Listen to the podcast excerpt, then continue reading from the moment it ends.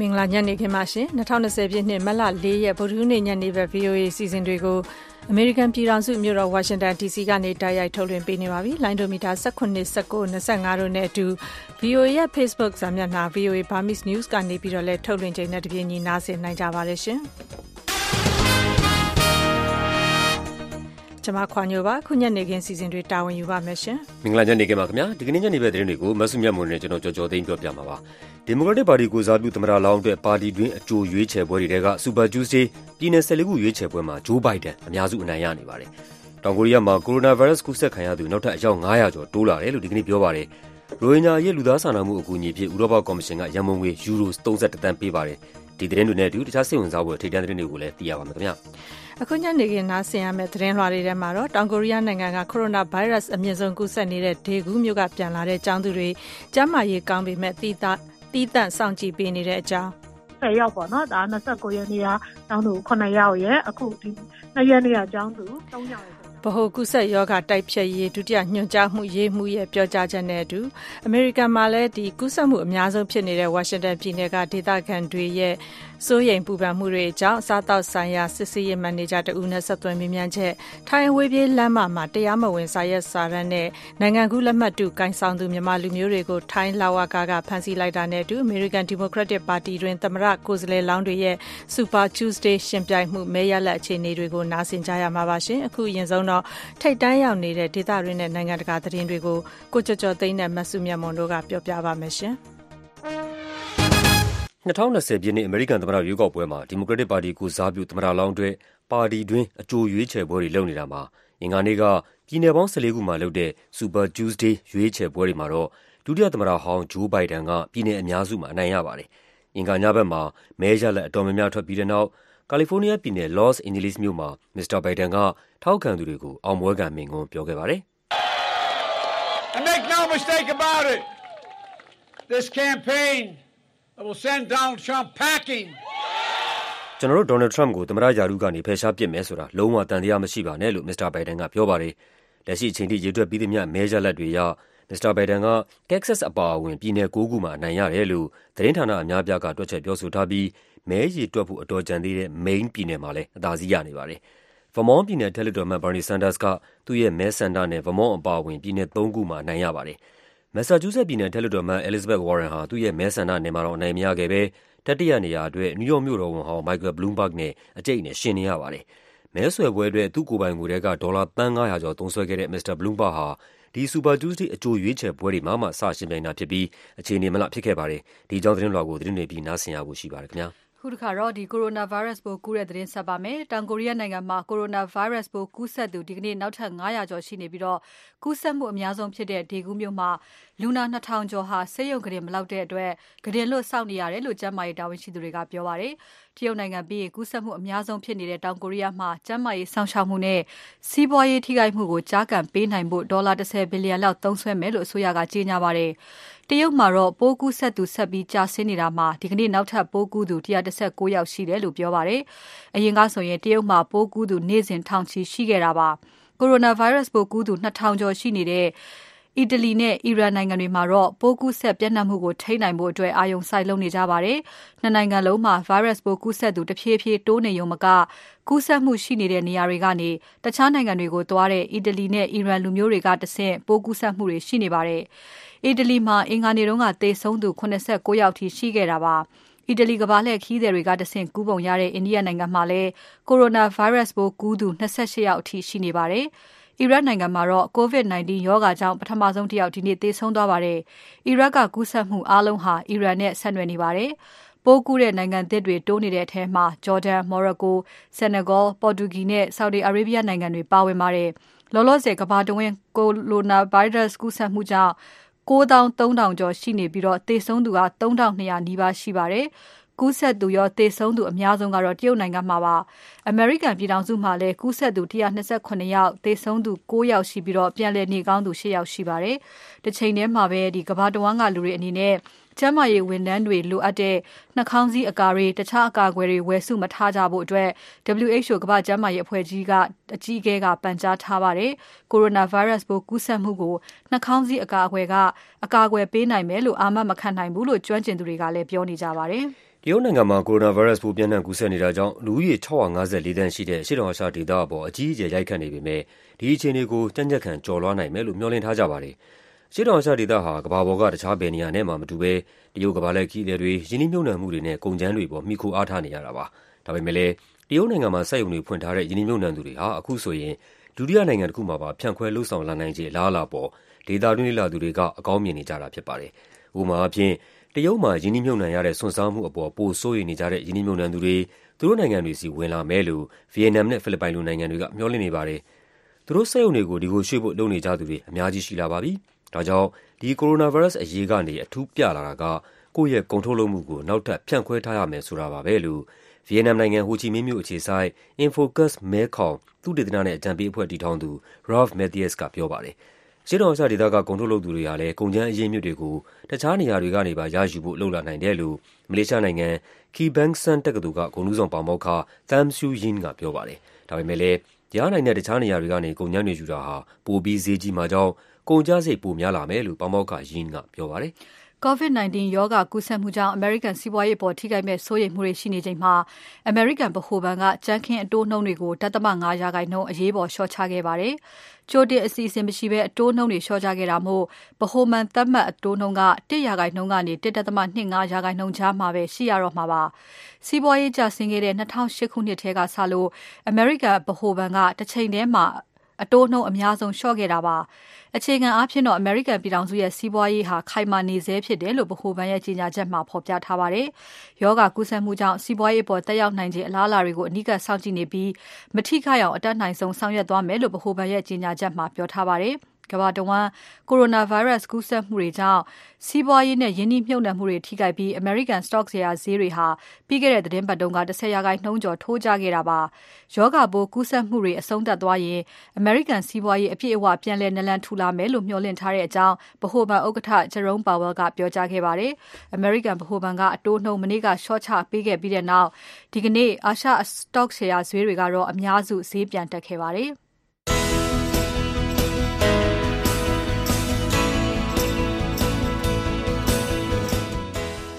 VOA အမေရိကန်အသံညနေဘက်မြန်မာဘာသာအစီအစဉ်တွေကိုညနေ၆နာရီခွဲကနေညနေ၇နာရီအထိလိုင်းဒိုမီတာ၁၇ kHz 10683ည၊လိုင်းဒိုမီတာ၁၉ kHz 15563ည၊လိုင်းဒိုမီတာ25 kHz 11965တို့ကနေထုတ်လွှင့်ပေးနေပါတယ်ခင်ဗျာ။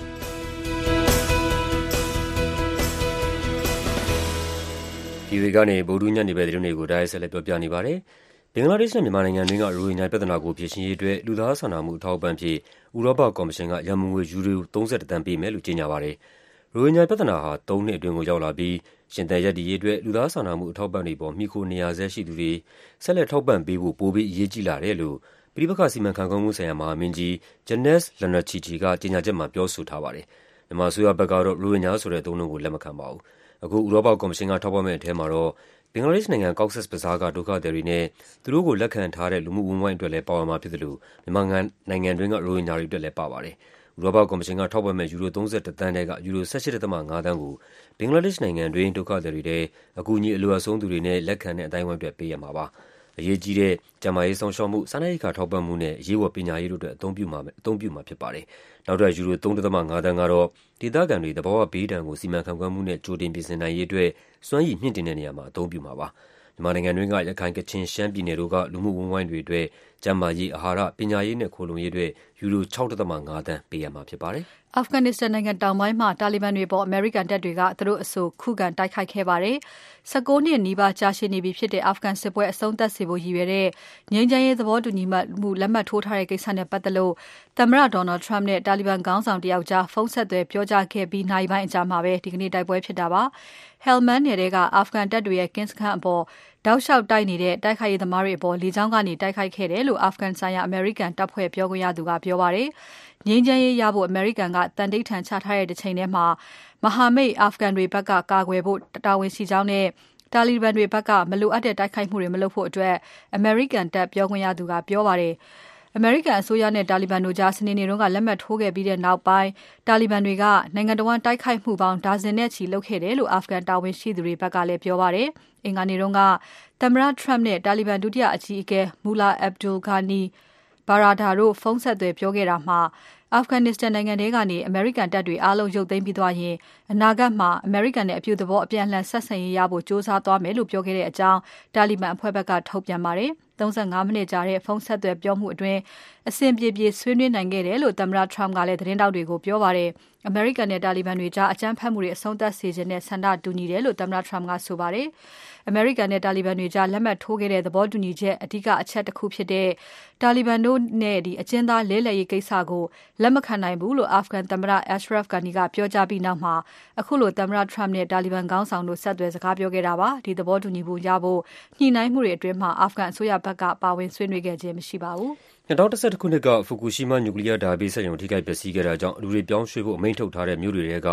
မြို့တမြို့ရဲ့ ကန့်သတ်နေရာလေးတခုကို လူတွေ အဝင်ထွက်လုပ်ဖို့ ဂျပန်အစိုးရက ပြန်ခွင့်ပြုလိုက်ပါပြီ။လူဦးရေ7,000ရှိတဲ့ဖူတာဗာမြို့ရဲ့ယထာဘူတာရုံနာကနေရာလေးတခုကိုပဲ အကန့်အသတ်မဲ့ ဝင်ထွက်ခွင့်ပြုလိုက်တာဖြစ်ပြီး ကျန်တဲ့နေရာအများစုကိုတော့ တရက်ကြာသွားရောက်ဖို့ ခွင့်ပြုချက်ရထားသူတွေပဲ ဝင်ထွက်ခွင့်ရမှာပါ။2020ပြည့် တိုကျို အိုလံပစ်အားကစားပြိုင်ပွဲအတွက် အိုလံပစ်မီးရှူးတိုင် သယ်ဆောင်မယ့် လမ်းကြောင်းထဲမှာ Futaba မြို့ ပါဝင်တဲ့အကြောင်း အားကစားပြိုင်ပွဲ စီစဉ်သူတွေက ကြေညာလိုက်ပြီးတဲ့နောက် အခုလို အကန့်အသတ်နဲ့ ဝင်ထွက်ခွင့် ပေးလိုက်တဲ့အပေါ် မြို့ခံတဦးဖြစ်သူ Yuji Onouma ကတော့ မကျေနပ်ပါဘူး။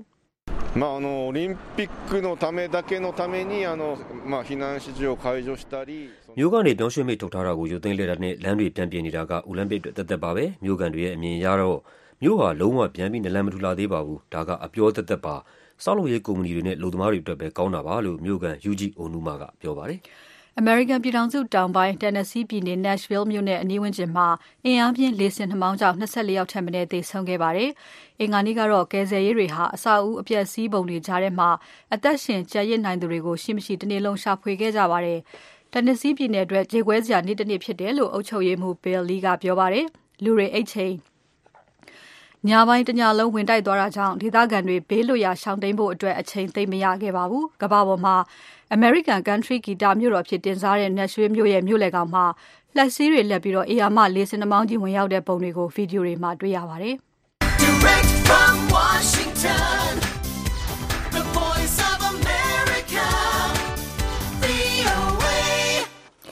ဗုဒ္ဓဟူးနေ့ညနေခင်း ထိပ်တန်းရောက်နေတဲ့ ဒေသတွင်းနဲ့ နိုင်ငံတကာ သတင်းတွေကို ကိုကျော်ကျော်သိန်းနဲ့မဆုမြတ်မွန်တို့ပြောပြခဲ့ကြတာပါရှင်။ဒီကနေ့ ဆက်ပြီးနားဆင်ရမယ့် သတင်းလွှာတွေထဲမှာတော့ တရုတ်နိုင်ငံပြီးရင် ကိုရိုနာဗိုင်းရပ်စ် ဒုတိယအများဆုံး ကူးစက်နေတဲ့ တောင်ကိုရီးယားက ပြန်လာတဲ့ မြန်မာကျောင်းသူတွေအတွက် ကျန်းမာရေးဝန်ဆောင်မှု ပေးနေတဲ့ အခြေအနေကို နားဆင်ကြရမှာပါရှင်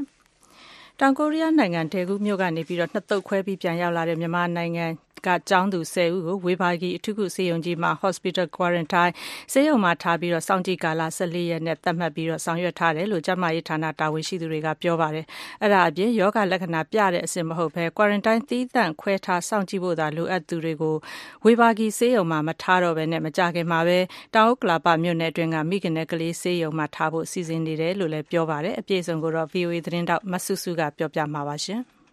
တောင်ကိုရီးယားနိုင်ငံ ဒယ်ဂူးမြို့ကနေ ရန်ကုန်အပြည်ပြည်ဆိုင်ရာလေဆိပ်ကို မတ်လ2ရက် ပြီးခဲ့တဲ့ တနင်္လာနေ့တုန်းက ရောက်ရှိလာတဲ့ မြန်မာနိုင်ငံသား ကျောင်းသူ10ဦးကို အသွာအလာ တားမြစ်ကတ်သက်ပြီးယောဂဆောင်ချက်ကြည့်ရှုဖို့ ဝေဘာဂီဆေးရုံကို ပို့ဆောင်ထားတယ်လို့ သိရပါတယ်။သူတို့ သုံးကို စစ်ဆေးတာမှာ COVID-19 ရောဂါလက္ခဏာ မတွေ့ပေမဲ့ ကူးစက်နှုန်းတက်နေတဲ့ နိုင်ငံကလာတဲ့သူတွေဖြစ်လို့14ရက်စောင့်ကြည့်တာဖြစ်ကြောင်း ဗဟိုကူးစက်ရောဂါ တိုက်ဖျက်ရေးဌာန ဒုတိယညွှန်ကြားရေးမှူး ဒေါက်တာခင်ခင်ကြီးက ပြောပါတယ် သူတို့မှာဆိုရင်ကြားတယ်ချောင်းဆိုးတဲ့နှောက်ဆက်လို့လက်ရှိလက္ခဏာတွေကတစုံတရာမရှိပါဘူး။ဒါပေမဲ့သူတို့ကကိုရီးယားနိုင်ငံမှာရှိတဲ့ရောဂါကူးစက်မှုအပြည့်ဆုံးဖြစ်တဲ့ဒယ်ဂူးမြို့ကပြန်လာတယ်။သူတို့ကဆိုလို့ရှိရင်ရောဂါပြိုးရဲ့14ရက်ကိုစောင့်ကြည့်ဖို့လိုအပ်ပါတယ်။အဲ့ဒါမှသာသူတို့မှာရောဂါလက္ခဏာများတစ်ခုခုပေါ်ပေါက်လာလို့ရှိရင်စောစီးစွာကုသနိုင်မယ်။သူတို့အဲ့လိုမျိုးစောစီးစွာကုသနိုင်တဲ့အတွက်ကြောင့်မို့သူတို့ရဲ့မိသားစုဝင်အခြားသူတွေကိုလည်းရောဂါကူးစက်ပြန့်ပွားမှုမရှိစေဖို့အတွက်ရည်ရွယ်ပြီးတော့သွားလာတားမြစ်ကန့်သတ်တဲ့ယောဂဆောင်ချက်ကြည့်ရှုခြင်း Hospital Quarantine 14ရက်ပြုလုပ်ဖို့အတွက်ဝေဘာဂီဆေးရုံပို့ထားပါတယ်။ ပြီးခဲ့တဲ့ဖေဖော်ဝါရီ28တုန်းကလည်းရန်ကုန်ပြည်ပြည်ဆိုင်ရာလေဆိပ်ကိုရောက်ရှိလာတဲ့တောင်ကိုရီးယားနိုင်ငံ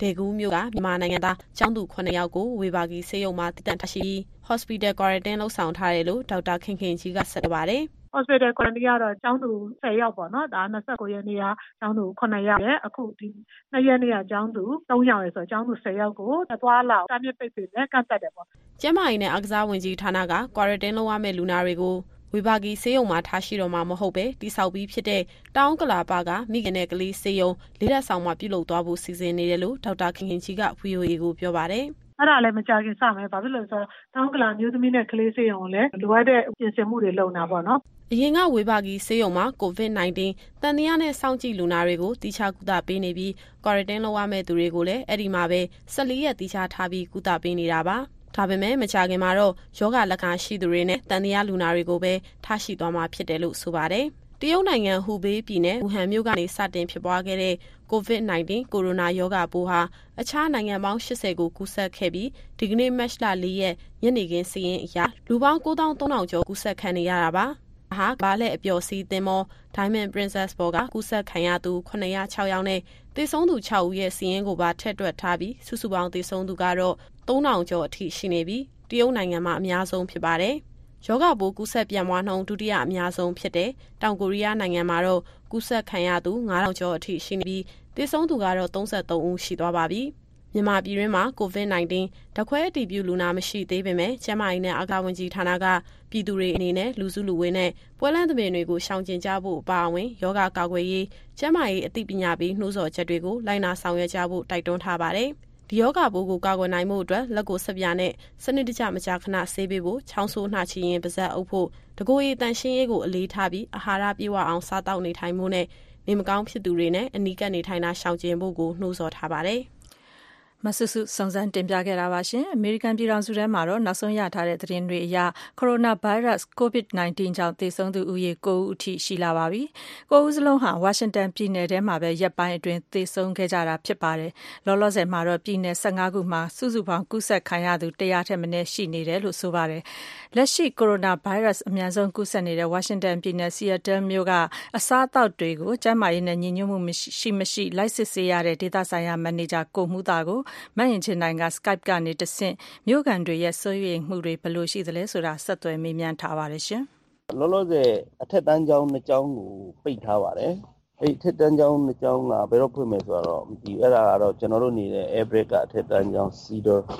High School ရဲ့နောက် Bordel High School ရဲ့ပိတ်ထားတယ်။ King County တခုက သူတို့ အခုဒါကိုမှုတာဆိုလို့ရှိရင် အခု Seattle မြို့မှာဟို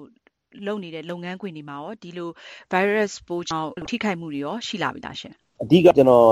လုပ်တဲ့အလုပ်ကတော့ hygiene နဲ့ပတ်သက်ပြီးကျွန်တော်တို့က two view site လုပ်ပြီးတာအဲ့ဒီမှာကျွန်တော်တို့က illness policy ဆိုတဲ့စာရွက်ကိုကျွန်တော်တို့ကလုပ်ပါတယ်ဘာလဲဆိုတော့ဒါကဖျားလို့ရှိရင်အိမ်ပြန်မှမယ်နာစီးတယ်နောက်ပြီးတော့မှချောင်းဆိုးတယ်နောက်ပြီးတော့မှဝင်းသွားနေတယ်စသဖြင့်ပေါ့အဲ့ဒီ sign တွေပြတဲ့အခါမှာအိမ်ပြန်ပါမယ်ဆိုတဲ့ policy စာချုပ်စာရွက်ကိုကျွန်တော်တို့ကအခုလုပ်နေတဲ့လူတွေကိုလက်မှတ်ထိုးခိုင်းပါခါတိုင်းလည်းထိုးတယ်အခုလည်းတေးကြအောင်ပြန်ပြီးကျွန်တော်တို့ကလုပ်တဲ့အလုပ်ကိုအခုလောလောဆယ်လုပ်နေတယ်။ဘာကြောင့်လဲဆိုတော့ဒီလိုဖြစ်လာခဲ့ရင်တချို့ကအာအိမ်မပြန်ရင်ဘူးဆက်လုပ်ချင်တယ်ဆိုရင်ကျွန်တော်တို့ကလက်မခံပါဘူး။အဲ့ဒါကိုအတင်းပဲကျွန်တော်တို့ကပြန်ပို့ရအောင်အတွက်အဲ့ဒီ illness policies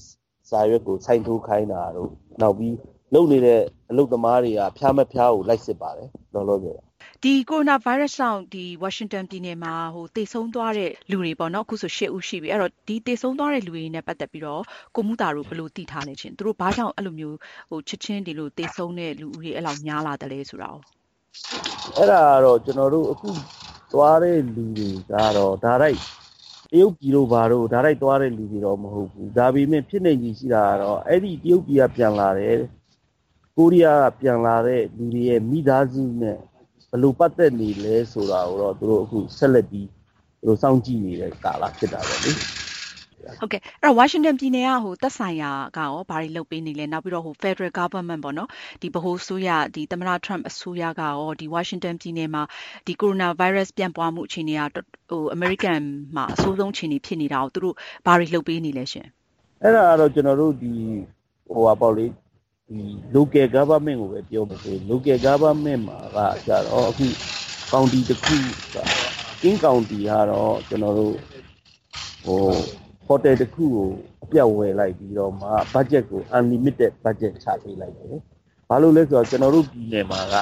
ထမ်းတာတဲ့ပြည်နယ်ဖြစ်တဲ့အတွက်ကြောင့်တထေးတွေပေါ့လေ Microsoft တို့ Amazon တို့ Starbucks တို့ Boring တို့ဘာတို့ရှိထားတော့သူတို့က budget ကတော့သူတို့ unlimited သုံးလို့ရပါတယ်ဆိုပြီးကြေညာတယ်ပြီးတော့လည်းလူတွေကိုဟိုကမဖြစ်ကြဘူးအရန်ထိတ်ထိတ်လန့်လန့်မဖြစ်ဖို့ကြေညာထားတော့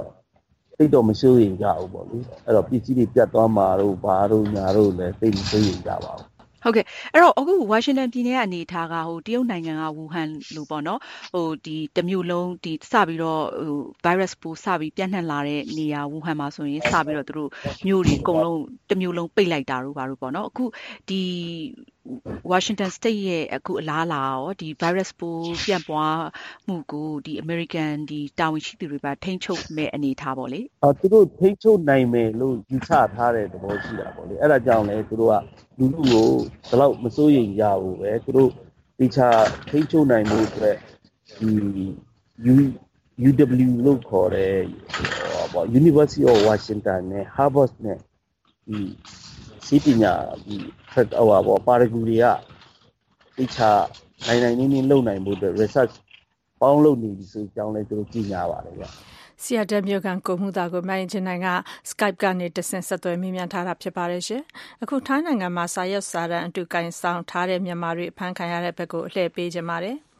ထိုင်းနိုင်ငံတောင်ပိုင်းမှာ အဝေးပြေးလမ်းမ အမှတ်41မှာ နိုင်ငံကူးစာအုပ်အတု စာရွက်စာတမ်းအတုတွေ ကိုင်ဆောင်ထားတဲ့ မြန်မာနိုင်ငံသား ၈ ဦးကို ထိုင်း လူဝင်မှုကြီးကြပ်ရေး ရဲတပ်ဖွဲ့ဝင်တွေက မနေ့က မတ်လ3ရက်နေ့မှာ ဖမ်းဆီးခဲ့ပါတယ်။သူတို့ကို ခေါ်ဆောင်လာတဲ့ ထိုင်းနိုင်ငံသားရင်မောင်းကိုလည်း လူမှောင်ခိုကုန်ကူးသူအဖြစ်နဲ့တပါးတည်း ဖမ်းဆီးထားတဲ့အကြောင်း ထိုင်းအခြေစိုက် VOA သတင်းတောက် မအေးအေးမာက သတင်းပေးပို့ထားပါတယ်ရှင်။ထိုင်းနိုင်ငံကတဆင့် မလေးရှားနယ်စပ်ထိတွားရောက်ကြမဲ့အမျိုးသား6ဦးနဲ့ အမျိုးသမီး2ဦးပါတဲ့ မြန်မာနိုင်ငံသားတွေကို ထိုင်းနိုင်ငံသားဆူရှိုလက်ဒီက BNW ငွေရောင်ဘင်ကားတစ်စီးနဲ့ ခေါ်ဆောင်လာတဲ့အချိန်မှာဆူလဌာနီခရိုင်ဗန်နာဒန်မြို့နယ် အဝေးပြေးလမ်းမ41မှာ ထိုင်းလူဝင်မှုကြီးကြပ်ရေး ရဲတွေက မနေ့က ဖမ်းဆီးရမိတာဖြစ်ပါတယ်။ကားသမားကို ရဲတွေက စစ်ဆေးရမှာ ထိုင်းမြန်မာနယ်စပ် ကမ်ချနဘူရီခရိုင်ကနေ မလေးရှားနယ်စပ် ဟတ်ရိုင်အထိ တဦးကို ဘတ်ငွေ2200နှုန်းနဲ့ မြန်မာနိုင်ငံသား8ဦးကို ပို့ပေးဖို့ လူမှောင်ခိုသမားတွေက ပေးခဲ့တာဖြစ်ကြောင်းနဲ့ အခု သူတို့ကို မလေးရှားနယ်စပ်ကို ပို့ပေးရင်းနဲ့ အဖမ်းခံရတာဖြစ်ကြောင်း ထွက်ဆိုခဲ့တယ်ဆိုပြီးအာဏာပိုင်တွေက ပြောပါတယ်။ ရွှေပြောင်းလို့သမားအခွင့်အရေးကွန်ရက် ဥက္ကဋ္ဌ ဦးအောင်ကျော်ကတော့ မြန်မာနိုင်ငံသားတွေ လူကုန်ကူးခံရတာတွေ အများအပြား ရှိနေကြောင်းနဲ့ ထိုင်းအာဏာပိုင်တွေဘက်က ထိထိရောက်ရောက် အရေးယူမယ်ဆိုရင်တော့ အခုလိုမျိုးဖမ်းဆီးရနိုင်ပါတယ်ဆိုပြီးပြောပါတယ်။ဟိုအာဏာပိုင်တွေကိုယ်တိုင်ဖြစ်ဖြစ်ရောက်ရောက် ရှာဖွေကြအရေးယူကြခေါ်ထုတ်ကြစစ်ဆေးတိုင်းမလုပ်ခဲ့လို့စိတ်ဒီအရင်တော့တအားမပေါ်ပေါက်ခဲ့ပေမဲ့အခုကျတော့ဟိုနိုင်ငံတကာဖိအားတွေတအားများလာကြအောင် အခုအမြဲတမ်း စစ်ဆေးအရေးယူနေကြဒီအမှုတွေပေါ်ပေါက်လာတာ ဖြစ်ပါတယ်။ထိုင်းနိုင်ငံမှာ လူကုန်မှု အခြေအနေတွေဟာ ဆိုးဝါးနေတာဖြစ်ပြီး2019ခုနှစ်ထဲမှာတော့ ထိုင်းတောင်ပိုင်းကနေ မလေးရှားနယ်စပ်တစ်လျှောက်ထိ လူကုန်ကူးမှုတွေကိုဇက်တိုက် ပတ်သက်နေတဲ့ လူ9000လောက်ကိုဇက်တိုက် ဖမ်းဆီးခဲ့တာပါ။ကလေးလူသမား ခိုင်းစေမှု အတင်းအဓမ္မ ခိုင်းစေမှု လူကုန်ကူးမှုအစတဲ့အချက်တွေကို သူကမီးမောင်းထိုးပြီး တအားပြောလာတဲ့အခါမှာ သူတို့ကလည်း အဲ့ဒါကို ကျုပ်တို့ အရေးယူ ဆောင်ရွက်နေပါဆိုတာကို နိုင်ငံတကာကို ပြနေရတယ် အဲ့လို ပြမှသာလည်းနိုင်ငံတကာနဲ့သူတို့ကစီးပွားရေး စိတ်ဆက်ပူပေါင်းလုပ်ဆောင်တဲ့ကိစ္စဆက်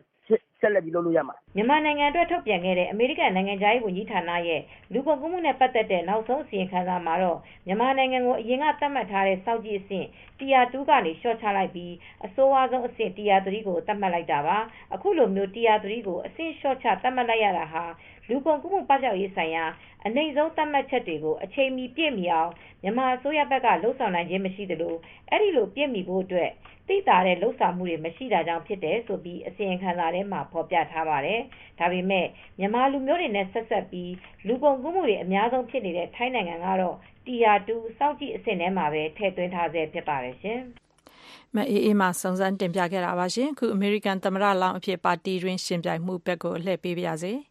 ဒီမိုကရက်တစ်ပါတီတွင် သမ္မတကိုယ်စားလှယ်လောင်း ပဏာမရွေးကောက်ပွဲတွေကို အမေရိကန်ပြည်နယ်14ခုမှာ မနေ့က တပြိုင်တည်း ကျင်းပတာမှာ ဒုတိယသမ္မတဟောင်းဂျိုးဘိုင်ဒန်ကပြည်နယ်9ခုမှာ အနိုင်ရထားပါတယ်။ဗုဒ္ဓဟူးနေ့ မနေ့အစောပိုင်း မဲရလဒ်တွေအရဆိုရင် အရေးကြီးတဲ့ ကယ်လီဖိုးနီးယားပြည်နယ်မှာတော့ အထက်လွှတ်တော်အမတ်ဘာနီဆန်ဒါစ်ကဦးဆောင်နေပါတယ်။ VOA သတင်းတောက် Mike O'Sullivan သတင်းပေးပို့ထားတာကို နန်းလောင်ကပြောပြပါမယ်ရှင်။ အမေရိကန်သမ္မတလောင်းရွေးကောက်ပွဲအတွက်အရေးကြီးလာတဲ့ Super Tuesday အင်္ဂါနေ့အကြိုရွေးကောက်ပွဲတွေကိုဗာဂျီးနီးယားကနေကယ်လီဖိုးနီးယားအပါအဝင်ပြည်နယ်၁၄ခုမှာပြပြိုင်နေကျင်းပခဲ့တာပါ။မဲရီရေတွက်နေချိန်မှာတော့အထက်လွှတ်တော်အမတ်ဘာနီဆန်နာနဲ့သူ့သမ္မတဟောင်းဂျိုးဘိုင်ဒန်တို့အပြိုင်ဖြစ်နေပါတယ်။သူ့သမ္မတဟောင်းဂျိုးဘိုင်ဒန်ကလည်းသူ့အပေါ်ကြိုတင်ဟောကိန်းထုတ်ခဲ့ကြတဲ့အပေါ်အခုလိုပြောပါတယ်။ Super Tuesday ရောက်ရင်ခင်ဗျားရှုံးပါပဲဆိုပြီးတော့ပြောကြတယ်ဗျ။တကယ်တမ်းရှုံးတာကကျွန်တော်မဟုတ်ပါဘူး အဲ့ဒီစကားမျိုး Virginia, North Carolina, Alabama, Tennessee, Oklahoma, Arkansas, Minnesota ပြည်နယ်ကလူတွေကိုပြောကြည့်လိုက်စမ်းပါမစ္စတာဘိုင်ဒန်ရဲ့အဓိကပြိုင်ဖက်အထက်လွှတ်တော်အမတ် Elizabeth Warren ရဲ့ပြည်နယ်ဖြစ်တဲ့ Massachusetts မှာလည်းမစ္စတာဘိုင်ဒန်အနိုင်ရခဲ့တာပါ။အင်ဒီယားနားပြည်နယ် South Bend မြို့တော်ဝန်ဟောင်း Pete Buttigieg နဲ့မင်နီဆိုးတားပြည်နယ်အထက်လွှတ်တော်အမတ် Amy Klobuchar တို့ရွေးကောက်ပွဲကနေနုတ်ထွက်ပြီးဂျိုးဘိုင်ဒန်ကိုထောက်ခံလိုက်ကြတဲ့တနင်္လာနေ့မှာတော့မဲဆွယ်ပွဲတွေအပြိုင်အဆိုင်ဖြစ်လာပါတယ်။ မစ္စတာ Sanders ကတော့သူ့ရဲ့ပြည်နယ်ဖြစ်တဲ့ Vermont အပြင် Utah နဲ့ Colorado ပြည်နယ်တွေမှာပါအနိုင်ရထားပါတယ်။“ဒီမိုကရက်တစ်ပါတီသမ္မတလောင်းရွေးပွဲမှာကျနော်တို့အနိုင်ရမှာပါ။နောက်ပြီးအမေရိကန်သမိုင်းမှာအန္တရာယ်အရှိဆုံးသမ္မတကိုလည်းအနိုင်ရပါလိမ့်မယ်။”ပါတီတွင်းအကြိုရွေးကောက်ပွဲမှာအခြေအနေမလှတဲ့ Elizabeth Warren ကတော့ကိုယ့်ရင်ထဲအသည်းထဲကယုံကြည်တဲ့သူကိုပဲမဲပေးကြဖို့သူ့ကိုထောက်ခံသူတွေကိုတိုက်တွန်းခဲ့တာပါ။“အ မေရိကန်ပြည်ထောင်စုအတွက်အကောင်းဆုံးသမ္မတဖြစ်မယ်လို့ယုံကြည်တဲ့သူကိုမဲပေးကြပါလို့ကျမတိုက်တွန်းချင်ပါတယ်။”သန်းကြွယ်သူဌေးကြီး Michael Bloomberg ကတော့အမေရိကန်လက်အောက်ခံ Samoa ကျွန်းမှာပဲအနိုင်ရထားတာပါ။ဒါပေမဲ့လည်းလာမယ့်သီတင်းနှစ်ပတ်အတွင်းသမ္မတလောင်းအကြိုရွေးကောက်ပွဲတွေကျင်းပမယ့်ဖလော်ရီဒါပြည်နယ်မှာတော့အခြေအနေကောင်းနေပါတယ်။သူကခုလိုပြောပါတယ်။“ ကျနော်သာရွေးခံရမယ်ဆိုရင်တော့ဖလော်ရီဒါပြည်နယ်နဲ့နိုင်မယ်မနိုင်ဘူးအပိုင်တွဲလို့မရသေးတဲ့ Swing States တွေမှာလည်း Donald Trump ကိုအနိုင်ရအောင်လုပ်မယ်ဆိုတာကတိပေးပါတယ်။”သမ္မတ Donald Trump ကတော့နိုဝင်ဘာ၃ရက်နေ့မှာကျင်းပမယ့်ရွေးကောက်ပွဲမတိုင်ခင်တပတ်အလိုမှာလုပ်မယ့်စကားစစ်ထိုးပွဲမှာဒီမိုကရက်သမ္မတလောင်းကိုပျော်ပျော်ကြီးရင်ဆိုင်မယ်လို့ပြောဆိုထားတာဖြစ်ပါတယ်ရှင်။ နန်းလောင်ပြောပြခဲ့တဲ့ဒီမိုကရက်တစ်ပါတီတွင်း သမ္မတလောင်း ယှဉ်ပြိုင်မှုအကြောင်းကို နားဆင်ခဲ့ကြရတာပါရှင်။နောက်နှစ်နာရီကြာမှာ ထုတ်လွှင့်မယ့် ညပိုင်းအစီအစဉ်တွေမှာတော့ ထိပ်တန်းရောက်နေတဲ့ နိုင်ငံတကာသတင်းတွေ သတင်းဆောင်းပါးတွေအပြင် ဦးကျော်ဇံသာရဲ့ မြန်မာအရေး သုံးသပ်ချက် လူထုကျန်းမာရေးနဲ့ အားကစားသတင်းလွှာတွေ နားဆင်ကြရမှာပါရှင်။အခု ဗုဒ္ဓဟူးနေ့ ညနေခင်း ထိပ်တန်းရောက်နေတဲ့ သတင်းအကျဉ်းချုပ်ကို ကိုကျော်ကျော်သိန်းက ပြောပြပါမယ် ရှင်။2020ပြည့်နှစ် အမေရိကန်သမ္မတရွေးကောက်ပွဲမှာ ဒီမိုကရက်တစ်ပါတီကိုစားပြု သမ္မတလောင်းအတွက် ပါတီတွင်း အကြိုရွေးချယ်ပွဲတွေ လုပ်နေတာမှာ အင်္ဂါနေ့က ပြည်နယ်ပေါင်း14ခုမှာလုပ်တဲ့ Super Tuesday ရွေးချယ်ပွဲတွေမှာတော့ ဒုတိယသမ္မတဟောင်း Joe Biden က ပြည်နယ်အများစုမှာ အနိုင်ရပါတယ်။လက်ရှိချိန်ထိ ရေတွက်ပြီးသမျှ မဲရလဒ်တွေအရ မစ္စတာဘိုင်ဒန်ကတက္ကဆက်စ်အပါအဝင် ပြည်နယ်9ခုမှာ အနိုင်ရတယ်လို့ သတင်းဌာနအများအပြားက တွက်ချက်ပြောဆိုထားပြီး မဲရေတွက်ဖို့ အတော်ကျန်သေးတဲ့ မိန်းပြည်နယ်မှာလည်း အသာစီးရနေပါတယ်။ Vermont ပြည်နယ် အထက်လွှတ်တော်အမတ် Bernie Sanders က သူ့ရဲ့မဲဆန္ဒနယ်အပါအဝင် ပြည်နယ် လေးခုမှာ အနိုင်ရပါတယ်။တောင်ကိုရီးယားနိုင်ငံမှာ ကိုရိုနာဗိုင်းရပ်စ်ပိုး ကူးစက်သူ နောက်ထပ် ၅၀၀ ကျော် ဒီကနေ့ ထပ်တိုးလာပြီး ကူးစက်မှုအများဆုံးဖြစ်နေတဲ့ Daegu မြို့မှာ လူနာ ၂,၀၀၀ ကျော်ဟာ ဆေးရုံခုတင်မလောက်တဲ့အတွက် ခုတင်လွတ်စောင့်နေရတယ်လို့ ကျန်းမာရေးတာဝန်ရှိသူတွေက ပြောပါတယ်။တရုတ်နိုင်ငံပြီးရင် ကူးစက်မှုအများဆုံးဖြစ်နေတဲ့ တောင်ကိုရီးယားမှာ ကျန်းမာရေးစောင့်ရှောက်မှုနဲ့ စီးပွားရေးထိခိုက်မှုကို ကျားကန်ပေးနိုင်ဖို့ ဒေါ်လာ ၁၀ ဘီလီယံလောက် သုံးစွဲမယ်လို့ အစိုးရက ကြေညာထားပါတယ်။ အာဖဂန်နစ္စတန်နိုင်ငံတောင်ပိုင်းမှာ အမေရိကန်တပ်ဖွဲ့တွေက သူတို့အဆိုအားဖြင့် တာလီဘန်တွေကို ခုခံတိုက်ခိုက်ခဲ့ပါတယ်။၁၉ နှစ်နီးပါး ရှည်ကြာနေပြီဖြစ်တဲ့ အာဖဂန်စစ်ပွဲ အဆုံးသတ်စေဖို့ ရည်ရွယ်တဲ့ ငြိမ်းချမ်းရေး သဘောတူညီမှု လက်မှတ်ရေးထိုးထားတဲ့ကိစ္စနဲ့ ပတ်သက်လို့ သမ္မတ Donald Trump နဲ့ တာလီဘန်ခေါင်းဆောင်တယောက်ကြား တယ်လီဖုန်းနဲ့ ဆက်သွယ် စကားပြောခဲ့ပြီး နာရီပိုင်းအကြာ ဒီကနေ့မှာပဲ တိုက်ပွဲဖြစ်တာပါ။ဘင်္ဂလားဒေ့ရှ်နဲ့ မြန်မာနိုင်ငံတွင်းက ရိုဟင်ဂျာပြဿနာကို ဖြေရှင်းရေးအတွက် လူသားချင်းစာနာမှု အထောက်အပံ့အဖြစ် ဥရောပကော်မရှင်က ရန်ပုံငွေ ယူရို ၃၁ သန်းပေးမယ်လို့ ကြေညာပါတယ်။ရိုဟင်ဂျာပြဿနာဟာ သုံးနှစ်အတွင်းမှာ ရောက်လာပြီး ရှင်သန်ရပ်တည်ရေးအတွက်လူသားချင်းစာနာမှုအထောက်အပံ့တွေအပေါ်မှီခိုနေရဆဲဖြစ်သူတွေကိုထောက်ပံ့ပေးဖို့အရေးကြီးတယ်လို့ပဋိပက္ခစီမံခန့်ခွဲမှုဆိုင်ရာမဟာမင်းကြီးကပြောပါတယ်ခင်ဗျား။ ဗုဒ္ဓဟူးနေ့ညနေခင်း ထိပ်တန်းရောက်နေတဲ့ ဒေသတွင်းနဲ့ နိုင်ငံတကာ သတင်းအကျဉ်းချုပ်ကို ကိုကျော်ကျော်သိန်းပြောပြခဲ့တာပါရှင်။အခုညနေအစီအစဉ် ထုတ်လုပ်ရေးမှူးက မမြသဇင်အောင်ဖြစ်ပြီး အသံဖတ်အင်ဂျင်နီယာကတော့ Dexter Wondirat ဖြစ်ပါတယ်။အခု ကျမတို့ အသံလွှင့်နေတဲ့ ရေဒီယိုအစီအစဉ်ပြီးပြီးချင်း Intelsat 17 နဲ့ Mersat 3တို့က တိုက်ရိုက်ထုတ်လွှင့်ပေးမယ့် VOA နေ့စဉ် TV အစီအစဉ်ကိုလည်း ကြည့်ရှုနိုင်ကြပါတယ်ရှင်။ VOA သောတရှင်များအားလုံး ကိုယ်ရော စိတ်ပါ ရွှင်လန်းချမ်းမြေ့ကြပါစေ။ကျမ ခွာညိုပါရှင်။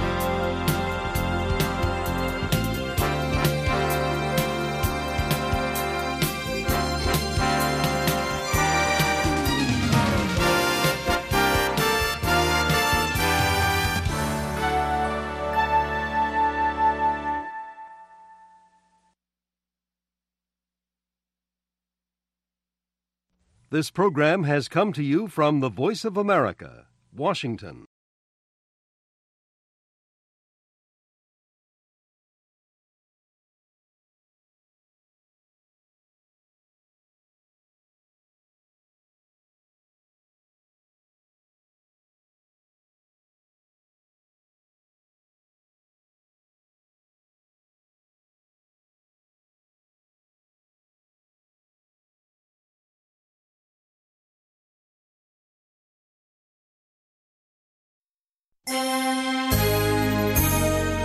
From Washington